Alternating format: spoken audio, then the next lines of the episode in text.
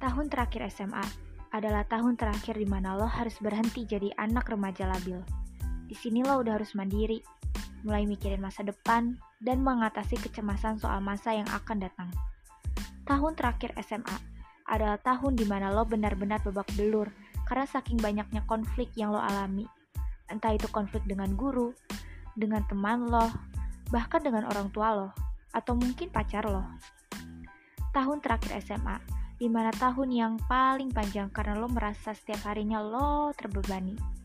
Entah itu dengan tugas, beban ujian, dan beban mental. Karena lo terlalu overthinking soal masa depan, lo takut lo gagal, dan itu benar-benar bikin lo cemas. Itu wajar, kita semua pernah mengalaminya. Tahun terakhir SMA adalah tahun di mana lo belajar buat realistis dan gak sepenuhnya memegang teguh idealis lo. Lo belajar buat mikirin matang-matang keputusan tentang segala hal di hidup lo. Dan lo belajar buat siap-siap mengatasi resiko yang akan terjadi. Tahan sebentar lagi ya, lo harus kuat.